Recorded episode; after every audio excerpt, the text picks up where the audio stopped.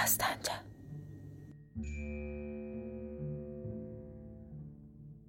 Nina ayağa durdu. Başını iki əlləri arasına alıb evdə sağa-sola dolaşmağa və konsulun hərəkətini təqlid etməyə başladı. Alçaqlar, qoyunlar, əclaf, yığma köpəklər. 5-10 cüt lotu potunun çırın-çıplağın öhdəsindən gələ bilmədilər. Mən səfiri də aldatmışam. Təbriz alınır deyə telegram vurdum. Hələ Nina oyunu qurtarmamışdı. Onu dayandırıb soruşdum.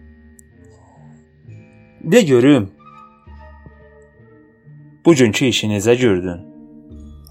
Böyük qələbədir, amma konsul hələ də ümidini kəsməmişdir. Hələ yeməyi bitirməmişdik. Yenə də şəhəri dəhşətli bir gurultu götürdü.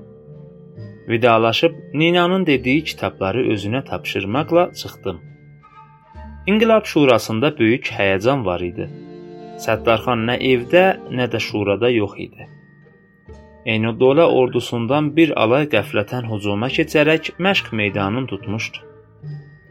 Şiddətli müharibə gedirdi. Biz gecə saat 1-də Səttarxanı cəbhədə tapdıq. Bu döyüş səhər saat 5-in yarısına qədər davam etdi. İşıqlanarkən düşmən başı pozuq bir halda geri çəkildi. Vuruşmada düşmənlərdən 45 nəfər öldürülmüşdü. Dastanca. Hər gün xırda çaxnaşmalar olurdu. Axırda sipəhdar Məhəmmədəli Şaha belə teleqram vurmağa məcbur olmuşdu. Əla Həzrət. Dual-i Müəzzəmə konsulları əyalət əncüməninin məclisinin açılmasını və inqilabın bununla da yatırılmasını məsləhət görürlər. Hərgah qiblə-i aləm mərhəmət buyurursa, yeni intixabatlara başlanarsa, bununla da dəyirmana su gələr və işləməyə başlar.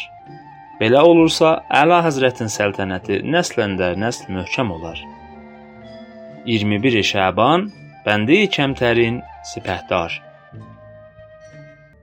Məhəmməd Əli Şah da bu məzmunda bir teleqram vurub sipəhdarı məzəmmət edirdi. Sizdən çox uzaqdır ki, 4-5 nəfər şərarət sahibini tutub cəzasını vermədən Təbrizdə seçki başlanmasını təklif edirsiniz. Necə ki məşruə məşrutəni vermişəm, elə də məclis və əncümən bərqərar olacaqdır. Allahın mərhəmətindən Tehran şərarətçilərini dağıtdıq. Babi dininin nəşr edənlərin cəzasını verdik. Azərbaycan rahat olmayınca əncümən seçkisinə icazə verməyəcək. Təbriz altından qayıdıb qaçan Maki ordusunun Təbriz müharibəsinə qayıtması üçün təşəbbüsdə bulunmalısınız. Yuxarıda göstərilən bu teleqramların hər ikisi öz yerinə göndərilmədən Rus general konsulunun əlinə keçmişdi. Rus konsulunun post teleqraf idarəsində olan casusları hər bir teleqrafı oğurlayıb gətirirdi. Nina isə bunları ya mütərcimlərimizi və ya rəmzlər müdiri dəftərindən götürüb inqilabçılara verirdi. Dastanca. Ninaya qarşı şübhələr Mən içəri girdikdə Ninanın nəyi isə tələsik qoltuğuna vurduğunu gördüm. O özünü itirmişdi. Məni görərkən kitabçanı qoltuğundan çıxartdı. Ona iki kitabça vermişdim. Biri firqənin proqramı, ikinci isə Bolşeviklər kimdir və nə deyirlər adlı bir əsər idi. Nina bu kitablarla çox maraqlanırdı. O sinfin sinfə qarşı qoyulduğu usuldan, sinflərin arasındakı iqtisadi təzadlardan oxuduqca həzz alırdı.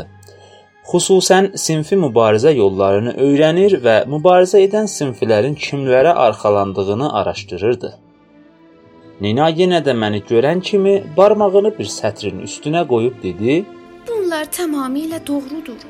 Amma mən hazırda İranda mübarizə aparan siniflər arasındakı ziddiyyətin təfsilatını lazımınca təhlil edə bilmirəm.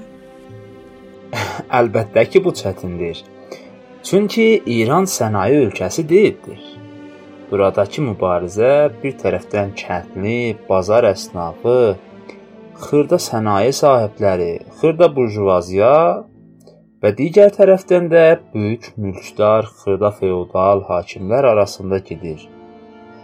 Bunun üçün də mübarizənin və ziddiyyətin şəkli tamamilə başqadır.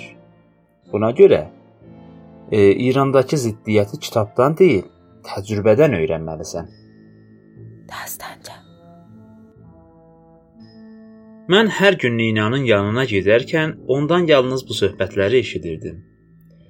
Bir neçə gündən sonra onu evdə çox az görürdüm. Hər gün Təxminə xanımgilə getdiyini söyləyirdi. Axırda mən bu məsələ ilə maraqlanmağa başladım. Təxminə xanımı hər gün görürdüm. Ninanın onlara məhəbbət bəslədiyini və bunun üçün də evlərinə tez-tez getdiyini xatırlatdım. Təxminə xanım evi təmizləyirdi. Başını qaldırıb üzümə tərs-tərs baxdı Bəli, çox gəlir. deyə işinə davam etdi.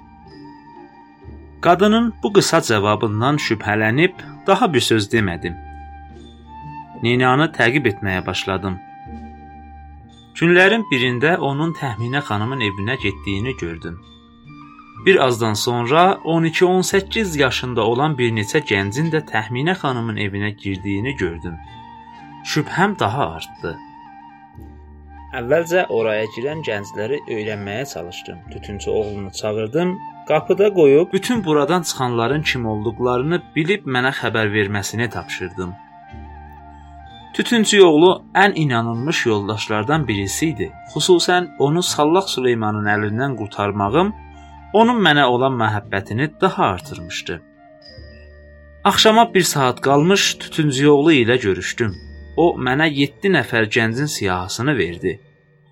Bunlar xalça karxanasında çalışan yoxsul işçilər idi. Təxminə xanımın oğlu Həsən ağanın da yoldaşları idi. Bu toplanış yalnız bir gün deyil, 2-3 gündən bir olurmuş. Bu sirri yalnız Təxminə xanımdan öyrənmək mümkündür. Təxminə xanıma və qızlarına paltarlıq almışdım. Yenə də adəti üzrə evi təmizləməyə gəlmişdi. Yuduğu alt paltarlarımı da gətirmişdi. Təzə aldığım paltarları verdim, çox da razı qaldı. Oğlum, ocun olsun ki, bu paltarları sənin toyunda geyib oynayaq. Mən tez cavab verdim.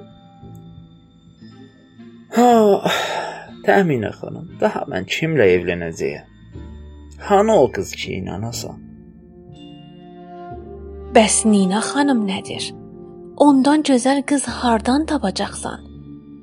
Özünün də sənin sevgindən uçmağa qanadı yoxdur. Doğru deyirsən, Təminə xanım. Biraz bundan əvvəl belə idi. Amma indi Necə indi? İndi nə olubdur ki?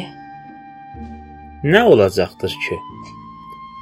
Ninanı daha axşam səhər evdə tapmaq mümkün olmur. Sizin evdə cavanları başına yığıb kefini sürür. Bu sözü deyəndə elə bil ki, barıt od tutdu.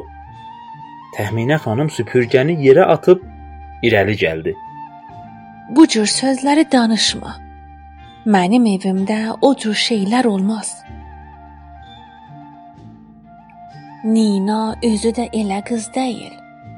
İstəyirsən açığını deyim. Amma bir adama deməməlisən. Çünki mənə and veriblər. Bilirəm nə üçün yığırlar. Nina özü başqalarını sevirsə, mənim nə sözüm ola bilər? Qorxma, heç kəsə demərəm. Həsənin ölümünü görüm ki, sən yanılırsan. Belə şeylər yoxdur. Qoy doğrusunu deyim. İndi bir neçə gündür ki, Nina bir iki kitab gətirib Həsən ağanın yoldaşlarını yığıb dərs verir. Əvvəlcə tək Həsən ağaya dərs verirdi. Sonra isə yoldaşlarını da çağırdı. Amma nə dərs olduğunu bilmirəm. Çox gizli tuturlar. Mənə and veriblər. Ancaq səndən keçə bilmədim dedim. Amma sən olasan Həsən ağanın canı, bu sırrı heç kəsə açma.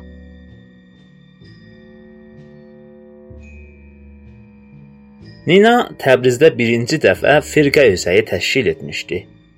Ninanın özü ilə bərabər özəyin 9 nəfər üzvü var idi. Axırda mənim özüm də hər gün Təxminə xanıma bu sırrı kimsəyə açmamasını tapşırırdım. Təxminə xanım bu sırrı öz qızlarından da gizli saxlayırdı.